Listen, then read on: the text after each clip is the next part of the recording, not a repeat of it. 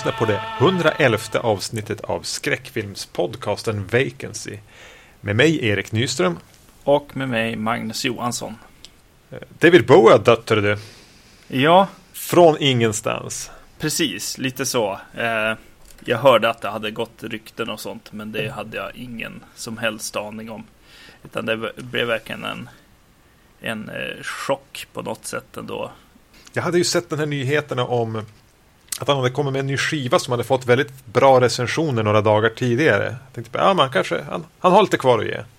Ja, precis. Nej. Nej, precis. Nej, alltså det är konstigt ibland med så här, just kändisar som dör och så. Att det blir så personligt ibland alltså. Jag blev riktigt tyngd av det här. Eh, och till saken hör väl att jag har inte lyssnat på honom på, på många år egentligen. Utan det var just den här tiden. Ja men typ när man höll på att bli vuxen och skulle ut i, i livet på något sätt. Just när man hade flyttat hemifrån. Var det då som jag började lyssna på Bowie? Ja, precis. Jo, exakt. Och eh, ja, eh, och ja, nej, men man förstod helt plötsligt hur, hur mycket av en influens på något sätt som han ändå var på något sätt. Eh, just kanske vid tidpunkten var han ju perfekt förmodligen för att just för att visa som han gjorde att man liksom man kan vara vem man vill nu på något sätt. Mm.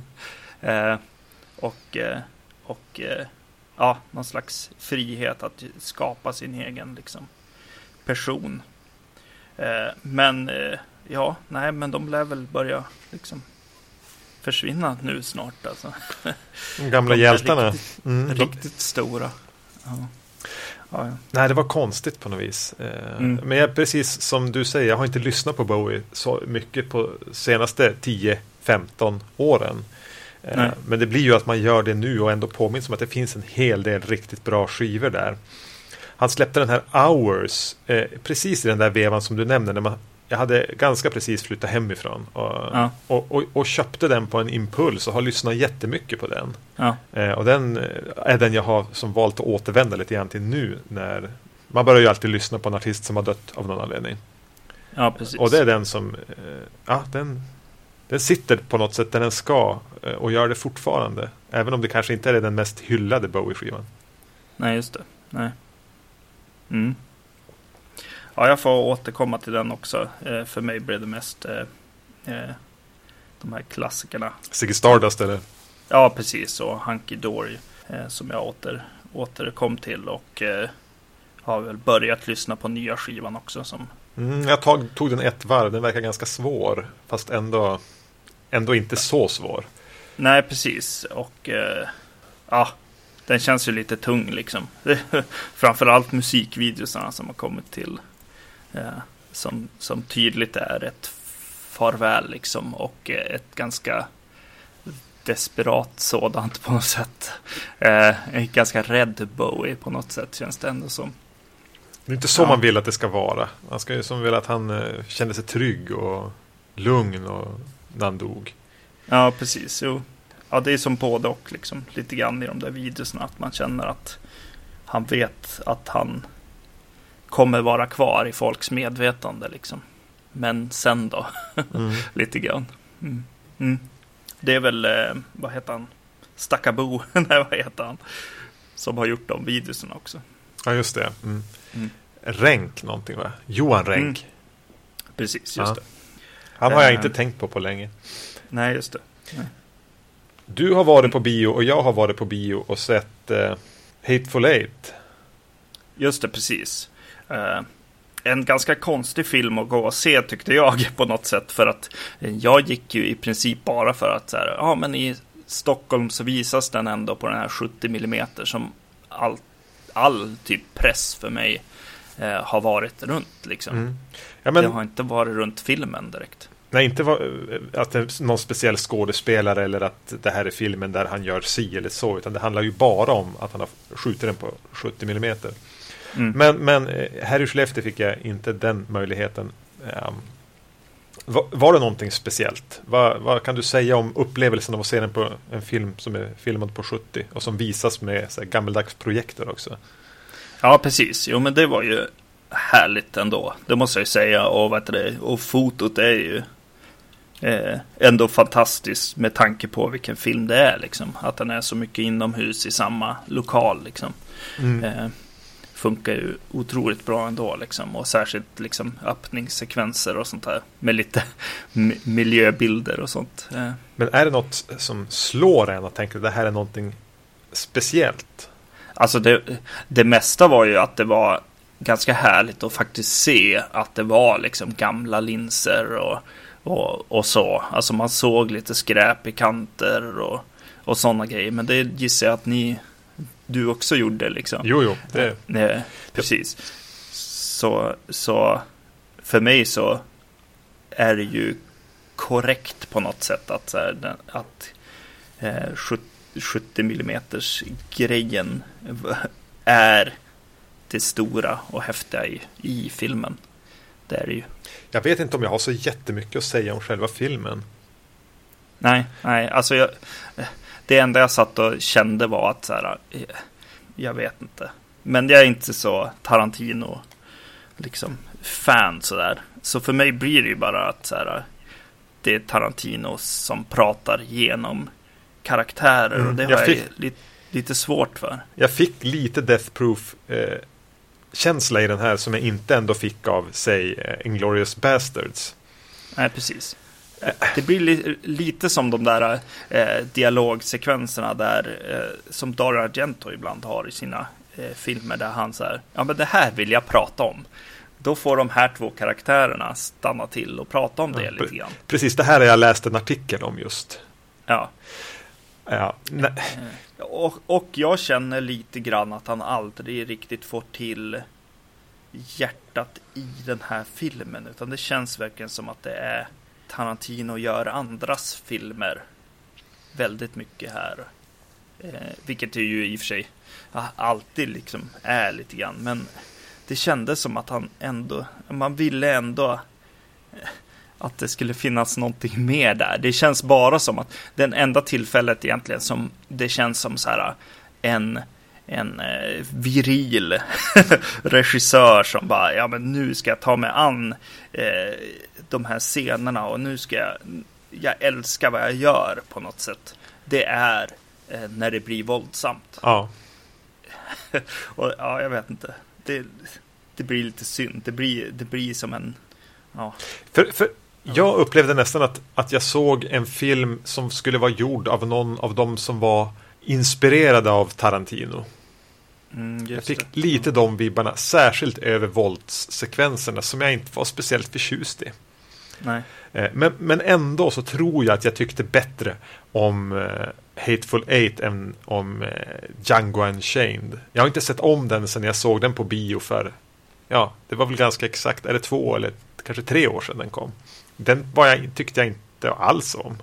Nej, precis. Nej, nej det håller jag med om. Inglo Inglorious Bastards var väl den som var, var riktigt eh, bra tyckte jag. För att den hade lite nerv i, i sin dialog. Mm. Men det känner jag inte av här heller. Liksom. Det känns inte som det är farligt när de sit, sitter och snackar. Liksom. Ja, nej, eh, nej, jag vet inte riktigt. Eh. Och så tappar jag liksom, när det blir så här solklara referenser så blir det så här, tappar jag lite. Som när han gör The Thing-grejen i snön. Alltså att han måste binda rep till utedasset. Mm. Eh, som ju tydligt är en The Thing-referens. Va? ja, ja. Eh, jag tyckte som allra bäst om filmen tror jag när de pratade spanska där. Eller ja, en liten det. Mm. sekvens. Mm. För då kändes det som att, ja ah, just det, just det, det är det här det ska vara lite grann. då försvann det här utstuderade i hans eh, replikskiften också. Ja, precis, jo. Som känns mm. lite väl genom eller överarbetade. Ja, precis, jo. Det jag tänkte var att nu har han har två filmer kvar han ska göra. Va? Han har sagt att han ska göra tio filmer. Det här mm. var hans åttonde. Eh, och jag pratade med en, med en kollega idag som sa att eh, tydligen har Tarantino sagt att han vill göra har gjort tre westernfilmer för då kan man säga att man är en westernregissör. Och då räknar han Inglourious Bastards som en western. Så nu är han klar med western. Han har två mm. filmer kvar att göra. Det är då, nu känner jag att nu kan det bli Nu kanske han har, gör en bra film där då i alla fall. Gör den där skräckfilmen som man ju vet att han skulle kunna fixa och göra som skulle kunna bli riktigt bra. Ja, som han hela tiden pratar om själv mm. också. Som att han inte ja. riktigt vågar. Nej, precis. Hörru det Quinten, du är feg. precis. Mm. Men vi hade väl tänkt prata om två Arnold Schwarzenegger-filmer. Ja. Nämligen precis. Conan the Barbarian från 1982 och Conan the Destroyer från 1984. Ja. Har du någon relation till Conan-filmerna? Speciellt något minne, någonting du tänker på? Ja, alltså man, man minns öppningen eh, med kvarnen på, där? Eller? Med kvarnen, ja, ja. precis. Framför allt. Och, och så var det Do you want to live forever? Repliken. Det är för mig konan. Och så någon orm va. Mm. Eh, det är precis, i princip det. Det här kanske inte är liksom den Arnold-filmen som man liksom vände sig till på något sätt och, och verkligen tyckte var the shit på något sätt. Eh, Nej, jag minns att jag har sett den och jag minns att jag nog tyckte så här, ja men den är väl rätt bra. Ja, precis. Mm. Och, och jag tror att någonstans det jag gillade med konceptet med Conan var att det fanns en uppföljare. Och på något sätt ett löfte om fler uppföljare som ju då aldrig riktigt kom. Nej, just det. Eh, mm. Men, men det har inte varit en av de här Arnold-filmerna på samma sätt som eh, ja, men säg Rovdjuret. Eller, Nej, eller ens The Running Man har varit. Nej, Nej det är sant. Eh, och, så det är inte någon av dem jag har den starkaste relation till. Men jag såg den ju där i samma veva som jag såg många av de andra. Jag har ju sett den sen dess. Men det var väldigt länge sedan. Eh, vad, vad Conan the Destroyer handlar om är väl egentligen att... Eh, the Barbarian. Ja, Conan the Barbarian, tack. Mm. Conan ser sin pappa bli dödad. Eh, pappa och mamma blir dödad som liten. Han växer upp och vill eh, växer upp i fångenskap, blir frisläppt och blir, någon, blir, blir barbaren egentligen.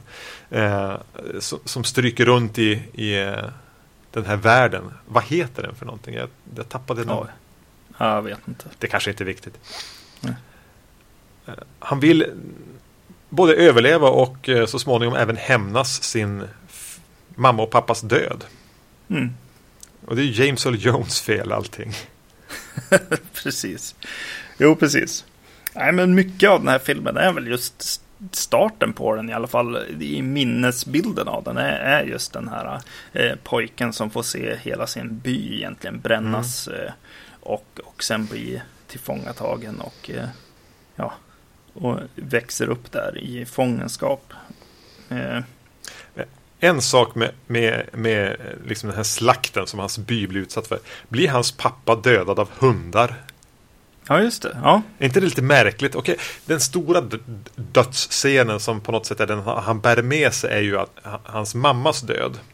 Mm. Men samtidigt är det ju pappan som har varit den här viktiga gestalten för honom som berättar mycket om stålet, om svärden och om Crom och... Eh, ja, precis, den här guden. Gu, ja, guden. Men, men ändå låter de pappan bli ihjälbiten av två hundar. Alltså det känns inte som en värdig hjältedöd. Nej, just det. Nej. Jag reagerade på det den här gången. Konas mm. pappa blev ihjälbiten av två hundar. Mm. Har du sett den här, eh, ja vad ska man säga, remaken eller Marcus Nispels version av. Jo, jag har sett Kon. den och jag har recenserat den eh, någonstans. Så jag har ju haft ett recensionsexemplar i min ägo, men jag vet inte vart har tagit vägen. Eh. Ja, jo, och den är väl gan eh, ganska trogen. Eller?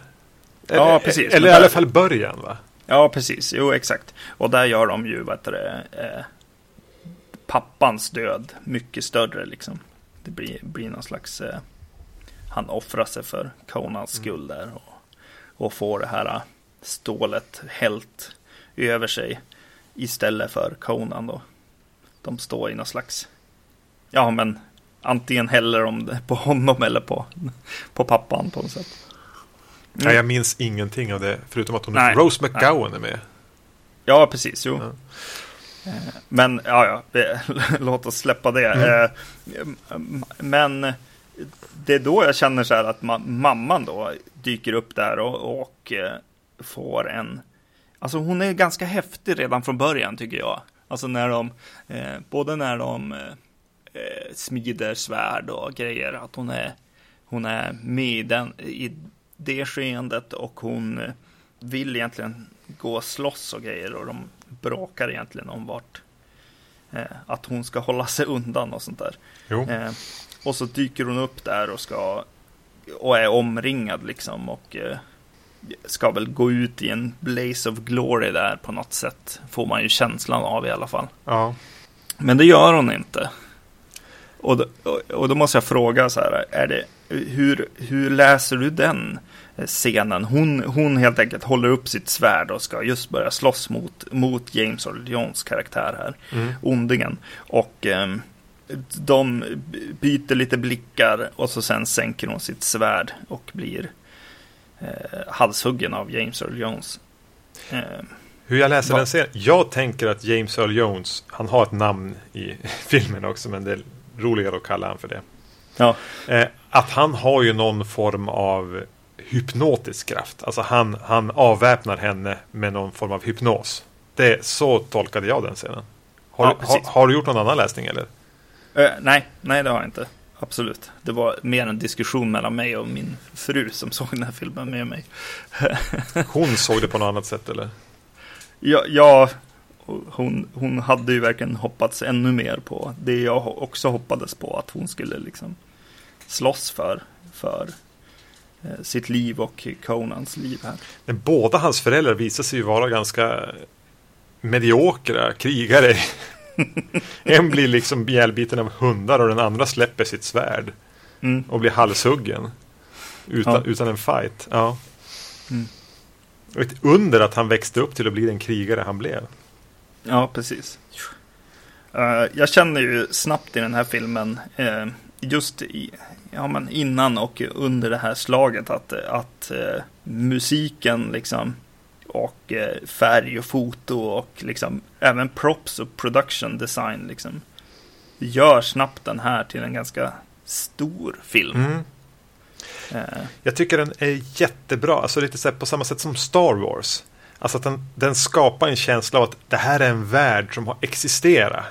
Ja, att, att, det finns en historia här, en lång historia om Crom och de här Cimmerians och, och, James Earl Jones folk och allting. Men att den bryr sig inte om att sätta in oss i detaljerna.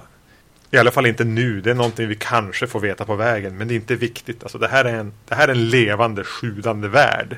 Och jag tycker ja, den, gör, alltså den är skitbra på att sätta det. Mm, exakt, de här gudarna, eh, props med, med de här symbolerna som eh, fienden här har och, eh, och så vidare. Liksom. Mm, absolut, de är väldigt bra på att eh, ha puls på den här världen. Liksom.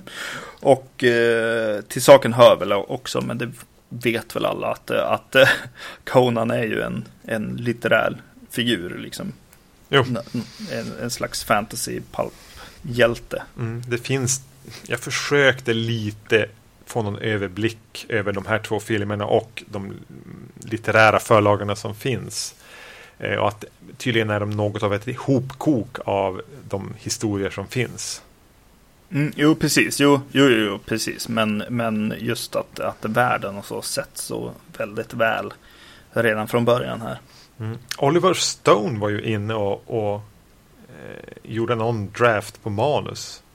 Mm, precis, han har väl eh, skrivit den här en gång. och så sen eh, ska ju John Milius, eh, heter han så, ja. eh, regissera då. Och då blev det väl lite ändringar, I guess. Mm. Men, men, men, eh, ja, jo, det är ju två namnkunniga personer som har skrivit det här manuset, helt klart. Och det här var ju Arnold Schwarzeneggers claim to fame. Mm. Han, han hade gjort några filmer, alltså under redan sent 60 tror jag den kommer den här eh, Her Hercules i New York. Och, och så små roller under 70-talet, men det här var ju hans eh, break på något vis. Mm, precis, ja det är lite intressant det där. I Hercules är han väl dubbad också. Ja. Eh, och i den här så säger John Milius ville ju att han skulle göra voiceovern till filmen. Eh, all den här tidiga snacket om världen och som sätter upp eh, världen och pratar om den här high adventure. Att Arnold skulle läsa in det? Ja, precis. Det ja, det hade, ja, mm, det hade nog varit en dålig idé. Ja, precis. Men det, det, blir lite lösryckt å andra sidan vem som berättar hans historia egentligen ja. I den här filmen. Men jag hade inte velat som... höra Arnold sitta där och läsa till med sin Eh, jag har inte tänkt imitera Arnold, men han, alla vet hur han låter. Ja precis. ja, precis. Innan året är slut så kommer ni höra Erik eh, imitera Arnold Schwarzenegger. Beror, kommer helt att bero på hur många öl jag har druckit under inspelningen av det avsnittet. Ja. Men igen, liksom, jag, jag, tycker mycket av filmen är just den här att bygga det som finns i böckerna. Eh, bara, det är hela målet med filmen på något sätt. Eh, till exempel när han då eh, blir nerknuffad då i, i den här gropen och ska slåss mot, eh, mot folk. Blir en, blir en, ja vad heter det, gladiator typ. Ja. Eh, då, alltså det blir ju jäkligt brutalt alltså ja, ja, ja. Den, den, lilla sekvensen då där de visar liksom vart, vart han går från liksom. Bara, ja, hans familj dör.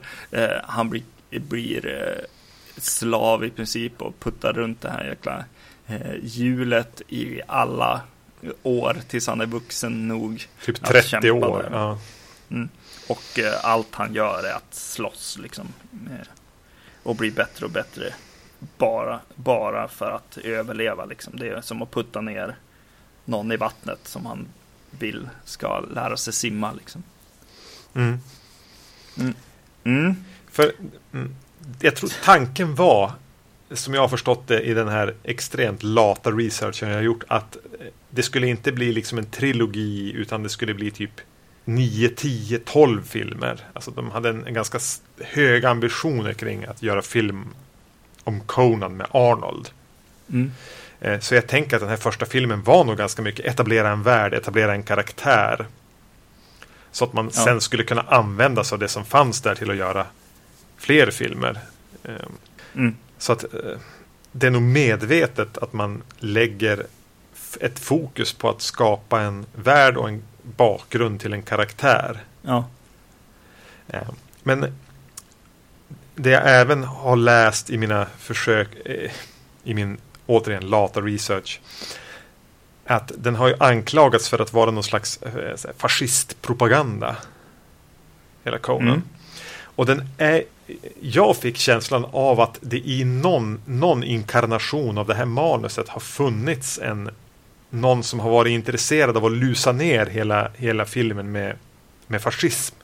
Alltså det finns fascism-symbolik i den. Att de pratar mycket om blodet och stålet och den ensamme starke krigaren. Eh, och individualismen.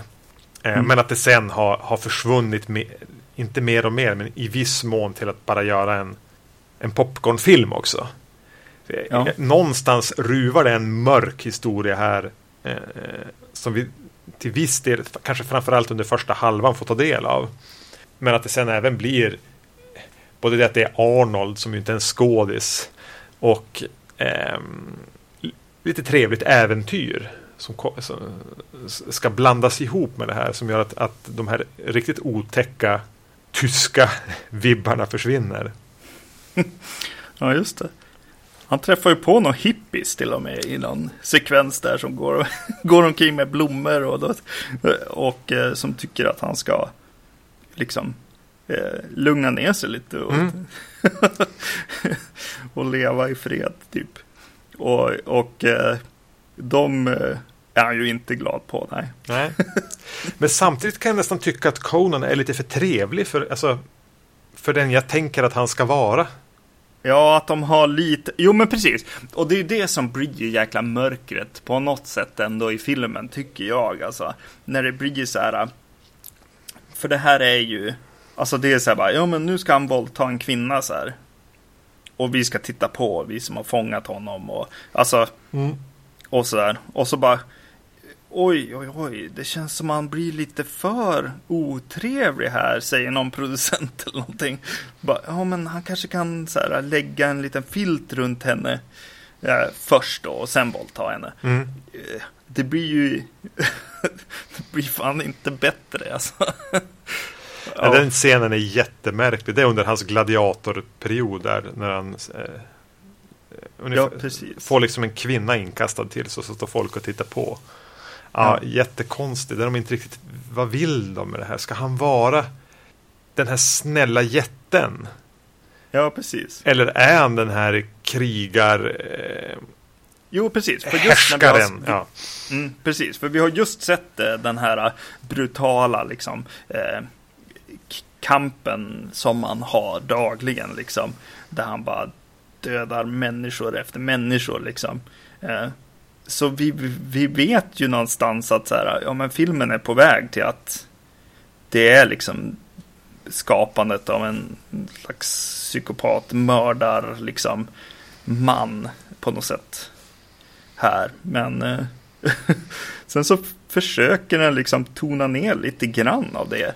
Eh, och det blir ju bara oäkta på något ja. sätt. Ja, men, särskilt de här karaktärerna de skriver in som, som hans sidekicks den, här, mm. den här skojfriska tjuven och eh, kvinnan och sen sedermera även en magiker.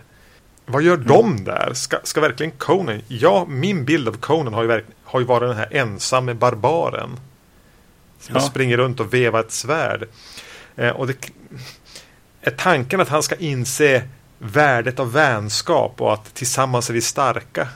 Eh, att hela filmen slits mellan det här trevliga äh, Sagan om ringen-äventyret på något vis. Och eh, jag menar, en lite halv eh, nazistpropaganda fascistfilm. Som mm. Leni Riefenstahl skulle kunna ha regisserat på sin tid. Ja, men precis. Och på något... Ja, fan alltså. Jag vet inte. Alltså, den här utvecklas ju som du är inne på, liksom. Just den här äh, kvinno, liksom, synen som finns i den här världen. Alltså det kommer ju från den här äh, macho fantasy, liksom, världen. Frank Fresetta, mm. eh, liksom, eh, tavlor, liksom, som den här filmen definitivt vill, vill se ut som och faktiskt ser ut som också. Eh, det, det, är ju just den här starka mannen med ett svärd och en kvinna som ligger liksom eh, vid hans sida på något sätt. Eh, det är ju det, det, som den här filmen eh, är, eller konan är. Eh, så på något sätt så är den liksom ärlig med, med vad den är, men det finns ju ett stort jäkla problem för mig i just den kulturen, alltså den här fantasy Ja, våldtäktsfantasierna och, och... Ja, precis. Den här någon slags eh, som ändå fanns i alla fall tidigt i den här ja, men, rollspelskulturen också. Att så här, mm. eh, jag vill slå tärning om jag får ligga eller, eh, eller så liksom. Och, och, och just den här grejen med, med kvinnor i, eller kvinnorustning eh, som ju är underkläder. Mm. Eh, och, och hela, hela det paketet kommer ju den här filmen med och blir ganska otrevlig på något sätt eh, i det liksom. Och man kan se liksom, man kan se det som att han är just uppfödd till hat och krig och hämnd och, och kvinnohat och, och så vidare. Det är inte en, en trevlig karaktär vi, vi möter här. Liksom. Nej, men det är väl men... det jag skulle vilja se egentligen. En fullt ja. ut otrevlig huvudkaraktär. Men den är ju inte ärlig med det. Nej, precis. Nej, de, de, eh, de backar på vissa punkter som, som i sig också blir lite ja, osmakligt nästan. Liksom. Mm. För då blir det den här nästan så här, eh, ja men, hemma våldtäkten på något sätt. Eh, ja, nej, jag vet inte. Eh, den, den, den ja, det, det som oftast händer på, på riktigt så att säga. Ja, så, så det är ju den, den konflikten kanske som man möts av här som blir samma egentligen som kanske 300 har. Som också är någon slags så här, oh jävlar vad häftiga de är, de här 300. Men de är ju fascister rakt igenom liksom. Och man måste liksom, man måste ja, slå till sig själv liksom. Nypa sig och bara, ja just det, vad fan, de här är ju de som är. Ja, men den är ju vidrig den filmen.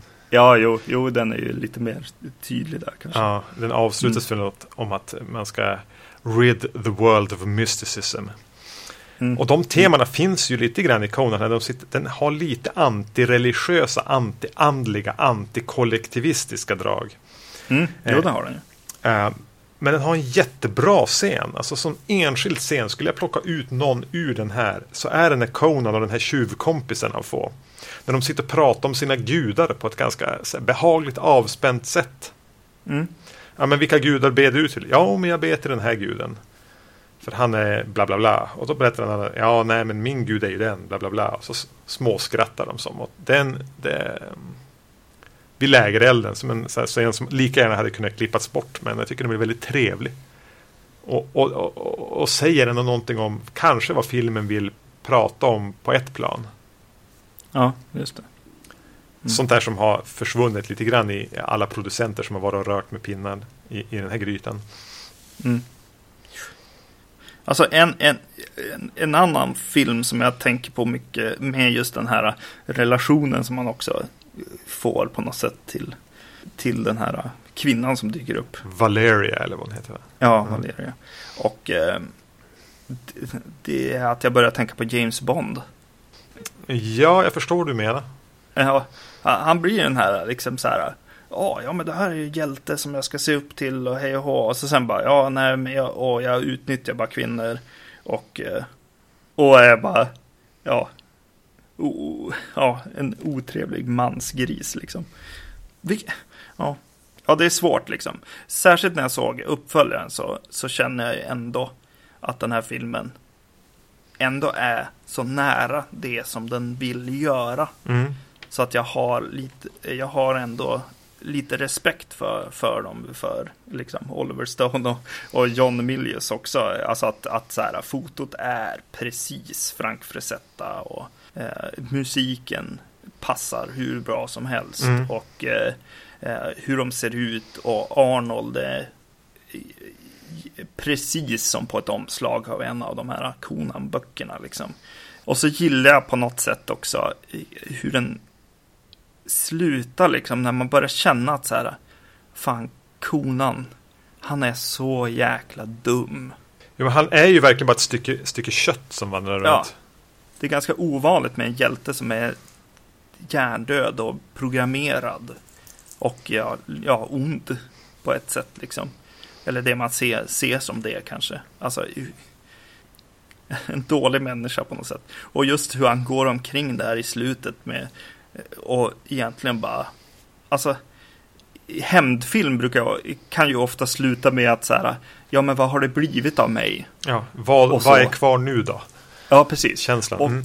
Ja, precis. Och hos honom finns inte det, känner jag. Jag känner ju bara att så här, han har knappt förstått att han har fått hämnd. och han, han förstår knappt, vad, ja han vet ju absolut inte vart han är på väg härnäst liksom vart ska hans, vem ska hans svärd liksom eh, in i härnäst? Liksom? Nej, och, och, och, jag blev lite förvånad över att han genom hela filmen, och, han är ju som en, en tjuv också. Alltså de, de stjäl och de eh, beter sig illa och är som småaktiga. Mm. Eh, det finns inte så mycket heroiskt, möjligtvis då över att han faktiskt vill hämna sina föräldrars död. Men genom hela filmen, de, det han visar upp är ju väldigt småaktigt. Mm. Skär lite grann där, plundra där för att komma över det. Att de sen gör det i glada vänners sällskap är väl det som gör att vi faktiskt klarar av att sympatisera med den här mannen. Ja. Ska vi gå in på några små detaljer innan vi går vidare? Ja. För jag har en sak som, som eh, stör mig i den här filmen. Om jag ska plocka ut en sak så är det vi har ju James Earl Jones som storskurken. Och jag tycker att han, han fungerar bra som det. Mm. Eh, jag har ingenting att säga om han. Men då har han eh, två sidekicks. Eh, som står under han. Och hans två ja, men, sidekicks. Mm. Som är helt värdelösa. Ja, precis. De har satt någon jävla wrestlare eller vad det är som, som får spela dem. Alltså det är jätteviktigt i den här typen av film att ha två karismatiska eh, skurkar som man verkligen vill att Conan ska bara hugga huvudet av. Mm. Men istället så, de ser ut som några jättetrötta så här, power metal-snubbar. Inte har en aning om hur man ska se levande ut på film. Nej, det var precis. väl tydligen en så här fotbollsspelare och någon annan bodybuilder eller vad han var. Som spelar de Ja, där. ja precis. Det, eh, en av dem är väl, vad heter det, åtminstone är ju så här uh, gymkompis med Arnold. Mm. Som dyker upp i, i andra av hans, hans filmer också. Eh, som en, eh, typ hans entourage typ. Ja. Jag tycker de är bedrövliga. Jag tycker Ja, verkligen. ett jätteproblem. Och en missad Ja. möjlighet av att verkligen kunna ha de här. Okej, han har James Earl Jones där borta, men nu måste han först igenom de här. Som samtidigt är lite coola. Att man ska tycka Ja. om dem också. Mm. För ett problem blev att Max von Sydow var med i den här som en slags uppdragsgivare nästan. Med Ja. i en ganska kort sekvens. Och han har en sidekick som är hans motsvarighet till de här två. Som, eh, jag vet inte ens om han har någon replik. Han är med kanske 30 sekunder i filmen. Aha. Som jag bara, wow, vad är det där för en cool snubbe? Han har lite mörkt skägg och eh, han hade jag velat skulle ha fått eh, rollen som någon eller kanske båda de där. Slå ihop Mm. dem till en karaktär. För där hade de förmodligen bemödat sig med att kasta en skådespelare och inte en, en, en wrestlare. Eller Ja. gymkompis som du säger. Har du något mer som du tänker på? Nej, eh, jag- jag känner mig ganska klar med den här filmen. Ja, det gör jag med. yes, då går vi, går vi vidare till Conan the Destroyer från, eh, två år eh, efteråt då, från 84. Här har Richard Fleischer tagit över regin. Mm. Och här får Conan ett nytt uppdrag och det är att eh, transportera en, en, en ung mö att hämta en nyckel. För att det är en eh, drottning som vill använda sig av den här nyckeln till, till att eh, vi behöver inte säga vad hon ska ha den till men hon behöver en, en magisk nyckel. Och behöver den här ungmön för att hämta den och då behöver hon ju någon som eh, beskyddar den här kvinnan. Mm. Och då kommer vi in liksom, det är två år senare och eh, de vill väl sätta liksom vart vart är James Bond, eh, Arnold eller konan eh, nu? Ja, Eh, så har de någon slags eh, sekvens där han eh, och hans sidekick blir attackerade av, av några eh, människodjur nästan. mm. Eh, som de slåss mot här i början. Eh, och då har jag två frågor för att den här uppföljargrejen här. Eh, den här nya sidekicken, det är en ny sidekick va?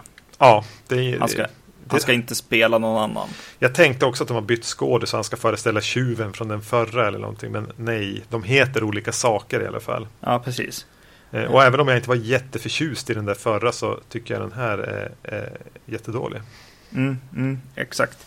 Och han är någon eh, slags, eh, han är väl med, eh, han är en av de här små krigarna eller vad de nu är i Willow. Är han Har jag det? för mig. Ja, jag Ja. tror att Han han, känns ganska exakt som en av dem i hur han spelar också. Ja, precis.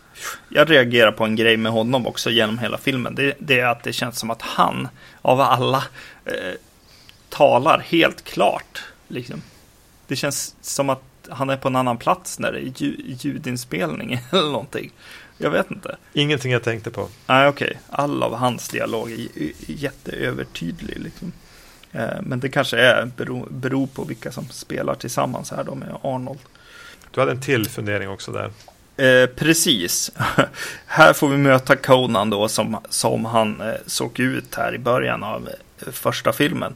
Och eh, jag, jag fick för mig att i första filmen så tar de av han något slags läderband som man har runt, runt huvudet med lite nitar och, och grejer på när han blir fri släppt.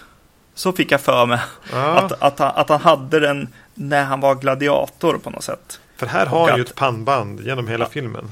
Ja, precis. Och, och den här första som han har i, i den här filmen är ju samma band där, så jag blev lite förvirrad över det. Att de bara, ja men Conan han ser ut så här. Det är som att man inte riktigt ser genom hela filmen, utan man bara, ja, ja men det där är coolt, han såg ut så här, okej då kör vi.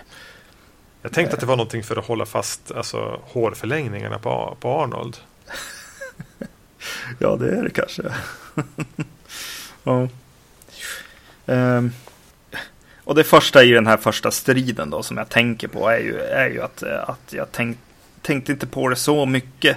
För jag, för jag tänker ju hela tiden att, att konan är Arnold. Ja. Eh, för mig liksom.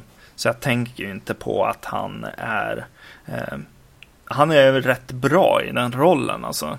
Eh, framförallt kanske visuellt. Eh, men också lite rörelsemönster och annat. Eh, han känns ganska självklar. Och ja, precis. Om, det är inte så att man tänker vad lökigt det ser ut att han går runt i typ kalsonger och ett svärd. Nej, precis. Utan att Nej. jag tänker på något sätt att första halvan av 80-talet gick Arnold omkring så där även hemma. precis.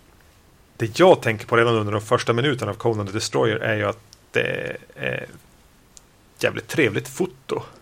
Mm. Att de har, här har de tagit in någon som verkligen har putsat linserna ordentligt.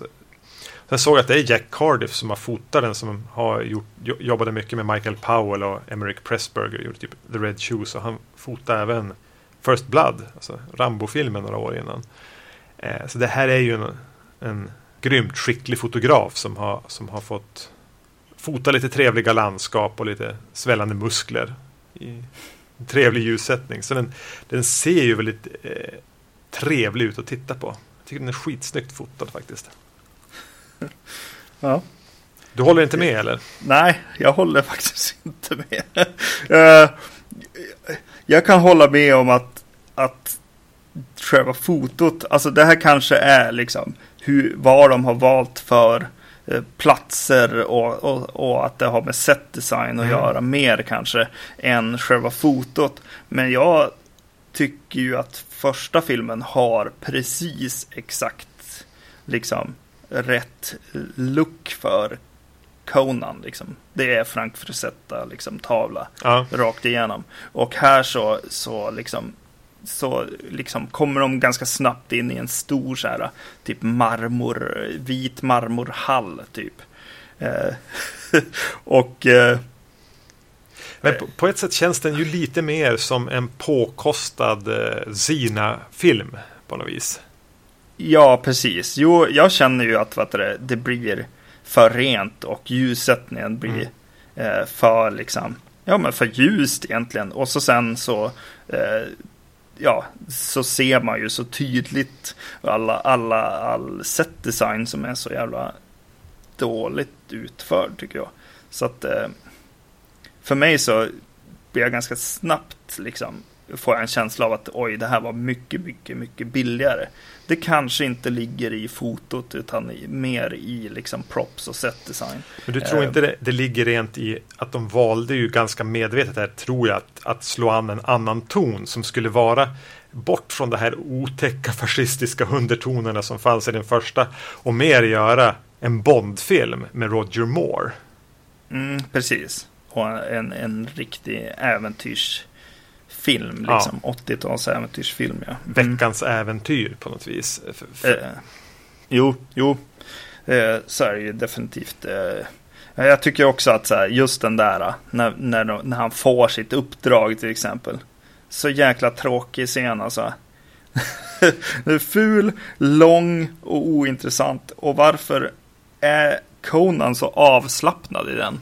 Han bara, ja okej, ja, jag går omkring på M's kontor och får mitt uppdrag på något sätt. Ja. Eh, Medan han i princip har blivit ditsläpad liksom. Mm. Alltså han måste ju åtminstone döda två, tre vakter innan, innan man överhuvudtaget kan snacka med honom liksom. Men hon som spelar den där drottningen är ju inte heller riktigt på banan. Nej. Not my queen, säger Conan. Ja. Lite roligt hashtag. Not my The queen. oh, ja. uh, jo, nej, hon är ju inte riktigt där heller. Eller överhuvudtaget. det är ju en jättesnackig film helt enkelt också. Ja, men den scenen är väl kanske ett av de värsta alternativen. Men det är mycket ja. som ska fram som är rätt onödigt. Ja. Som de babblar på om. För, för jag känner liksom, ja, men den här första fighting-scenen med den här, ja, när de blir tillfångatagna egentligen, eller övertalade, eller vad man ska säga, och förde till den här drottningen. Att de bara, ja men här har vi en så här, nu blir det, nu blir det lite lättsammare, eh, tonen är inte lika spretig. Utan nu blir det veckans äventyr. Men de pratar ju alldeles för mycket. Mm. Jag håller med. Mm. Och, och, och särskilt den här att de har en jättedålig komisk sidekick. Ja, precis. Och så över, överhuvudtaget så känner jag bara, ja men skriv ett manus, använd en manusförfattare. Nu, nu är det i och för sig eh, folk som har skrivit film liksom här för. Men det är också inblandat eh, comic book, eh, liksom serietidningsförfattare. Eh, showrunnern eller vad man ska kalla det för. För vad heter det? Eh, Marvels Konan mm. eh, serie inblandad i den här filmen bland annat. Eh, eh, jag vet inte om det ligger i det, men det känns som att det är inte skrivet som en film, utan det är jättemycket som man måste förklara i dialog. Men det är mycket saker som jag tycker inte att man behöver förklara. Ja, precis, precis. Eh, det är verkligen så här, eh, säga vad man vill om första filmen, liksom, men Oliver Stone och John Milius är ju manusförfattare som förstår liksom att en film berättas i sina bilder liksom. Eh, I den här så babblas det och skojas och förklaras sjukt mycket. Mm. Och det är mycket som förklaras som jag inte hade behövt höra dem säga utan jag bryr mig inte så noga om varför de ska dit. Jag, låt mig bara åka med det här gänget nu i de här miljöerna och träffa på lite olika typer av skurkar och, och vara den här Bondfilmen med Roger Moore. Prata mm. lite mindre. Ja, precis. För jag kan ändå uppskatta den typen av bara, det här är ännu en Conan-film. Känslan, jag, jag, kan gilla det. Den, det, den känslan i en film. Mm. Men är de här bossarna som dyker upp också eh, från Marvels serietidning då? Ja, en del är ju det. Ja, precis. Den här spegelskurken och, och han med hornet i pannan och sånt som dyker upp sen. Ja, definitivt. Om, om inte annat så är de ju skapade av, av dem mm. för den här filmen. Så det, så det blir ju verkligen sådana karaktärer. Det blir ju. Eh, ja, ett exempel på hur de pratar för mycket är så här. Okej, okay, vi, vi har en oskuld med oss mm. som, som ska dit och eh, förbli oskuld tills hon är tillbaka. För det är ju viktigt eh, att hon är det hint, hint, hon ska offras, liksom, ja. är tanken i alla fall. Eh, och, och hon har liksom en, hon liksom rider omkring och har ett litet snack om, om liksom, med sin liksom, vapendragare eller sin... Livvakt kan man väl nästan kalla det för. Ja. Ja. precis. Eh, och pratar om så här, Åh, är, ser konan bra ut? Hur är det med det? Så här. Eh, och så bara, ja men vad tycker du själv? säger han och så bara, ja men Uh, How many times have I seen a man? Säger hon. Och jag bara, okej. Okay. Oskulden inlåst i ett, i, i, i liksom ett slott. Vi fattar. Vi har redan förstått liksom. Du, du behöver inte prata om det liksom. Jag hade gillat om de hade använt den här karaktären som hon då, prinsessan eller vad man ska kalla hon för. Ungmön mm. som jag kallade dem tidigare. Ja. Om man hade gjort en grej av att hennes sexuella uppvaknande och att hon blir som tänd på Conan för hon gillar hans muskler och hon har aldrig sett en man och att det är viktigt att hon är oskuld. Och att, och att det blir nästan en grej som de spelar på hur hon vill ha Conan. Och det blir nästan hon pratar om alltså att ja, men hon är svartsjuk och hon vill bli en krigare för att Conan gillar krigare. Han vill ha en stark kvinna. Att de mm. hade kunnat utveckla det. Men det blir som ett brus i bakgrunden som kanske fanns en, ett frö till en idé någonstans. Men de gör ingenting med det. Det hade eh, låta, låta hennes karaktär vara den som gör en resa genom filmen. Det gör hon ju inte nu. Utan hon forslas genom filmen, sen händer det någonting med honom i slutet. Ja, det, ja precis. Jag det är för dåligt. Det finns ju där, precis. Det, det känns verkligen som att du pitchar till mig en idé. Men den finns ju i filmen. Ja. Men jag, jag blir så här tänd på din liksom tanke kring det snarare då bara, ja men ja visst, ja det hade ju varit kul. Men inte så här. Nej men de fångar ju aldrig upp det. Det finns ju potentialen där att, att använda den här karaktären och låta det lite vara hennes resa. Även om Conan är huvudpersonen så är det hon som utvecklas och det är lite den sexuella spänningen och hon är ju även alldeles för ung. Alltså slisa på med det. Mm. Kände, ja, du, kände du Olivia Diabo, känner du igen henne förresten? Ja, jag känner igen henne men jag kan inte placera. Hon är ju med i En härlig tid. Hon är ju stora syrran i En härlig tid. Som man såg när man var liten. Just det. Just det. Ja, det är hon ja. Mm. Jag var tvungen att... Jag, jag satt bara, jag känner igen henne, alltså från den här, alltså att hon är ung när jag har sett den här Hon är väldigt ung. Hon var typ 15 när hon gjorde den här, hon var typ 17 när hon gjorde det. Ja. Jag tycker att hon ändå är, för att vara så ung, hon var 15, så är hon rätt bra. Ja, precis. Jo, jo absolut. Men en missad möjlighet. Mm. Mm. Eh, precis som Sidekicksen var en missad möjlighet i första filmen. Men den här filmen har ju en till missad möjlighet. Ja. Grace Jones. Precis. Som ju är en kvinnlig Arnold. Ja. Alltså hon har ett otroligt intressant utseende. Så grovhuggen och eh, lite samma typ av kackiga skådis och bara muskler och senor och en eh, så här, otäckt lysande ögon. Mm. Men varför är hon ens med här? När de, de, skriver in, vad heter hon? Hon är någon krigare, Zula. Zu, ja, ja, skitsamma. Eh, att de ens bemödar sig om att skriva in henne i filmen när hon bara får vara jogga med i bakgrunden. Precis.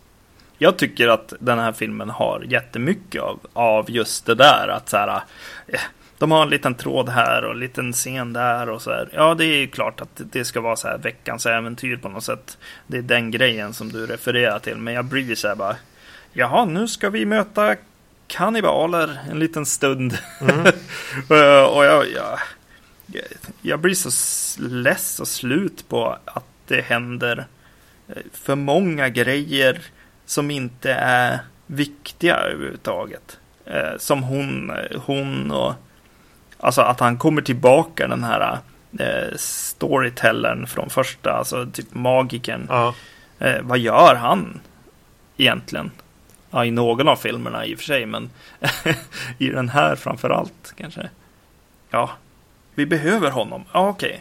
men visa varför. Mm. Eh, lite grann.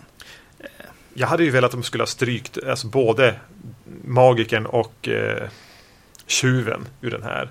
Och, och, och låt det vara den här prinsessan och hennes berättelse Grace Jones karaktär som på något sätt då kanske blir en rival till, till prinsessan Ungmön. Mm. Och den här eh, livvakten.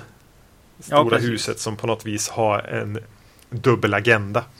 Mm. Ja, eh. det är någon, det är någon sekvensscen eh, i, no, i något tempel i slutet där de ställer upp sig, liksom hela gänget här. Sida vid sida i den här widescreen-formatet. Ja. Och jag bara, jaha, varför är de så himla många? ja, de har ju inte saker att göra åt varenda karaktär. Nej.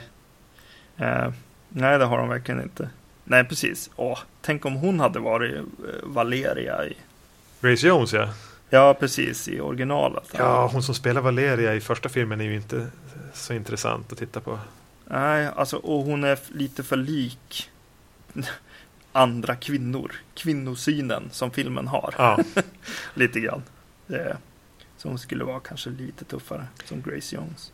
För det lilla man ser Grace Jones göra här vill ju bara att man gör ju bara att man vill se mer av henne. Ja. Men det får man ju inte. Hon ska stå bakom Conan hela tiden. Ja, precis. Ja, den är ju lite snällare också. Det känns som en sån där uh, sak som många, uh, vad ska man säga, action uppföljare eller säg Arnold uppföljare eller på att säga, uh, är att så här folk bara helt plötsligt förstår att oj, just det, det är 12-13-åringar som, som ser på, mm. på Conan eller Robocop eller eh, Terminator eller ja, men sån här film liksom. Precis, vi har ett vinnande koncept här. Om vi bara skulle kunna få en ännu större publik genom att tona ner våldet. Ja, precis. Så de tonar ner en del, eh, en del grejer eh, som väl är bra på något sätt. Han, han ber till och med om förlåtelse för när han slog den där kamelen liksom i första filmen. och det är ju inga, inga kvinnor som, alltså, ja, Grace Jones har inte mycket kläder på sig, det har hon inte. Men...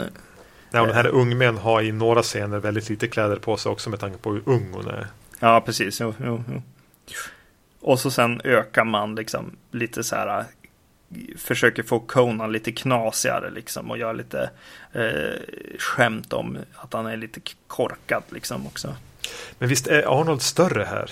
Visst har, han, har de pumpat upp han? Just det. Jag tycker att han jo. ser mycket biffigare ut. Ja. Eh, och så har han någon rolig scen när han ska fäktas med någon när han verkligen står och prövar olika poser med svärdet. Just det. Eh, då börjar man eh, Ska det där vara roligt eller ska vi liksom bara få se hur stor han är eller är det skämt eller allvar? Ja, jo men det är ju några, några sådana. Ja. Och den rör sig väl lite. Den, den är, har ju ett lättare anslag. Mm. Och i sina bästa stunder kunde jag gilla det där lättare anslaget. Att bara, ja men nu gör vi en till. Den har inte mer ambitioner än att göra en till. Mm. Eh, vilket, ja det är jättetrött och man borde väl kanske höja ambitionsnivån mer än så. Men jag gillar ju hela konceptet med uppföljare och att tänka att då, då, måste man göra någon av de här bruksuppföljarna för att göra de bra uppföljarna också. Mm. Ja. Så hade det blivit en 6-7 filmer så hade den här eh, varit en, en, en, en trevlig genomgångsfilm kanske. Ja, just det. Det är ju lite... Ja, jag satt lite grann och tänkte under, under den här filmen att så här, vad hade hänt med Conan i min syn eh, om det här hade varit första filmen?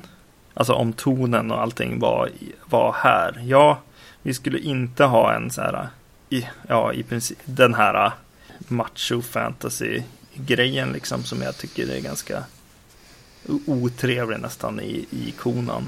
Eh, The Barbarian. Mm. Men ja, det, den hade ju försvunnit liksom bland så här vad de nu heter allt mest. Beastmaster och eh, Fire and Ice eller vad de heter. Ja, de som kommer ja. här. Eh, lite grann det skulle de ha gjort. Så jag vet inte riktigt.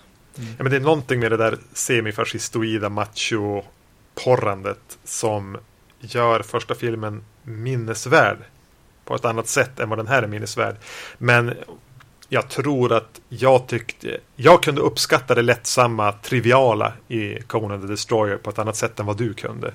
Ja, precis. Jag blev bara less. Ja. Eh, det blev så dåligt och, och all, alla liksom eh, platser som de gick igenom. Eh, den här, de åker till något slott liksom där det bor någon ute på vattnet. Liksom. Ja. och så vet det, bor det någon eh, magiker där inne. Eh, och eh, när man får en bild, första bilden där inifrån var ju verkligen så här bara, jaha, det här skulle vi kunna ha liksom satt ihop på en håltimme i gymnasiet liksom. Mm. På mediaprogrammet liksom. Det är några så här lite skynken liksom bakom honom och så någon, någon eh, så här leksaksdiamant typ. Eh, med en lampa under liksom. Det, det, är ju något barnvänligt med att etablera lite skurkar i sina lokaler. Man tänker nästan, för att referera till Willow igen, så, så tänker man på Willow där de bara åker runt mellan en massa olika platser. Första mm. filmen var ju inte en massa olika platser. Men här är det lite slottet i havet. Så man ska kunna leka det när man är ute och leker Conan sen. Åh, jag ska vara tjuven. Så kan, ja. Och så är vi vid slottet i havet och han är speglarna. Alltså att, eh, så att barn ska kunna leka det på ett lättare sätt. Ja, precis. Jo, jo absolut. Det finns några Willow-kopplingar. Både lite den känslan då i att han, han är med i Willow, den där lilla. Plus att han som spelar den här spegelskurken mm. är ju också med i Willow. Han är den här med dödskallemask som är typ drottningens general där. Ja, just det. Och han är även med i Indiana Jones, han som blir choppad av propellen i första Indiana Jones-filmen. Eh, precis, Indiana Jones dyker ju faktiskt upp eh, som en referens definitivt i den här filmen också. Det är mycket så här eh, eh rulla snabbt under en stängande port och mm.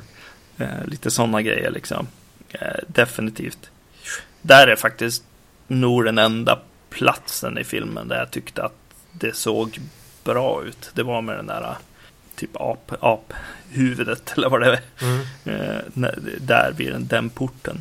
Eh, där hade de gjort en ganska cool liksom, sceneri. Liksom. Eh, men annars var det för ljust och tråkigt och så här, ja, allmänt för mycket liksom. Eh, för mycket Sina. Eh, Sina ja, eller vad heter den? Eh, Neverending Story. Ja. Känsla nästan. Det ska glimma lite grann. Legend hade lite sånt också. Man mm. tänker nästan att i vissa av scenerna när de bara förflyttar sig mellan platserna att de ska vissla i kör.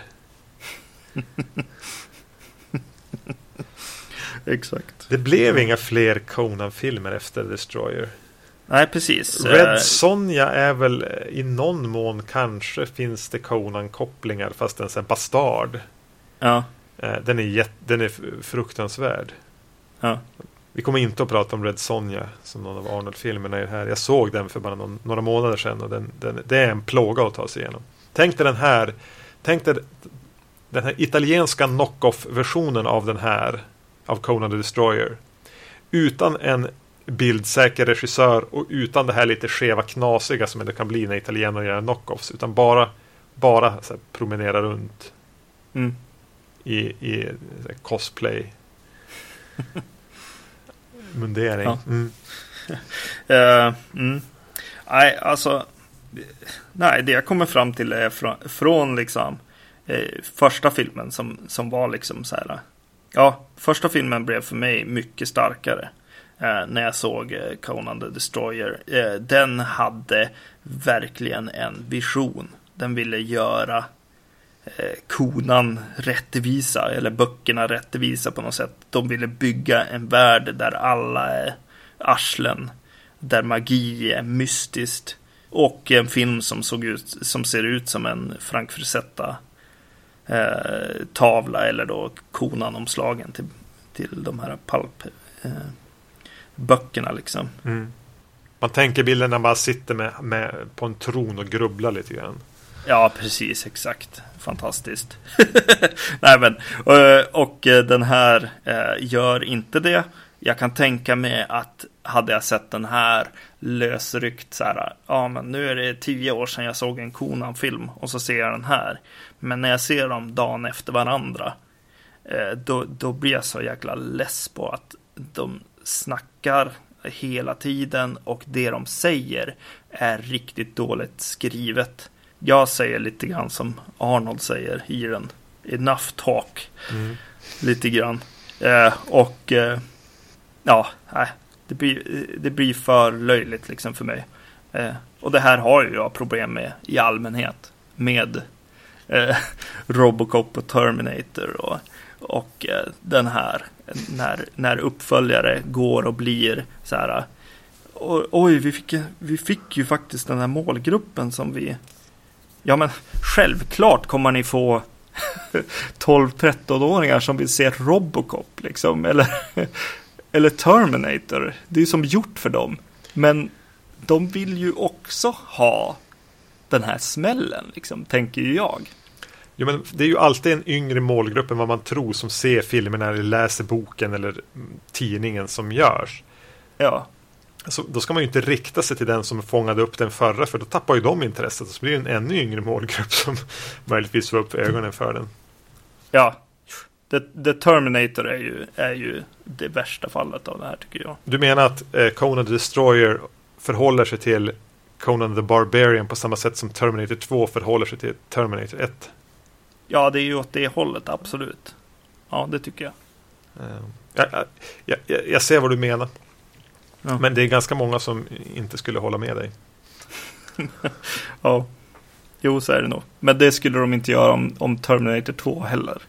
De Terminator 2 är ju tydligen en av världens bästa filmer. Så att... ja, det är många som tycker det. Mm.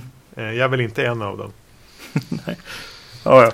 Ja, mm. Kanske något vi får eh, anledning att återkomma till. Yes. Nu var man tillbaka lite grann och fick umgås med Arnold igen. Det ska bli kul att fortsätta se eh, Arnold-filmer. Även om det här kanske inte var det som verkligen var mest nostalgiskt eller hemtamt för mig. Så hade jag, tyckte jag det var kul att se båda två. Inte bara beroende på att jag nog gillade Destroyer mer än vad du gjorde. Utan De här två filmerna fick mig peppad på hela konceptet och hela temat för 2016 som vi ska ha här på podden med att se Arnold-filmer. Så för mig blev det eh, väldigt rätt kick-off. Ja, absolut. Jo. jo, det är väldigt kul att se honom igen. Och eh, det ska bli väldigt kul att se, mm. se fortsatta filmer med honom. I nästa avsnitt kommer vi inte att se Arnold utan då ska vi ta oss an Slumber Party Massacre-trilogin. Ja, precis. Tills dess vet ni nog om ni har lyssnat på oss tidigare vart ni kan komma i kontakt med oss eller hitta oss. Men om inte så finns vi på Facebook. Vi finns på vår sida vacancy.se. Vi finns på iTunes och även några andra eh, alternativa leverantörer av podcasts. Om man inte vill kontakta oss på Facebook så går det även bra att skicka ett eh, mail på podcast vacancy.se. Ja. På Enough talk!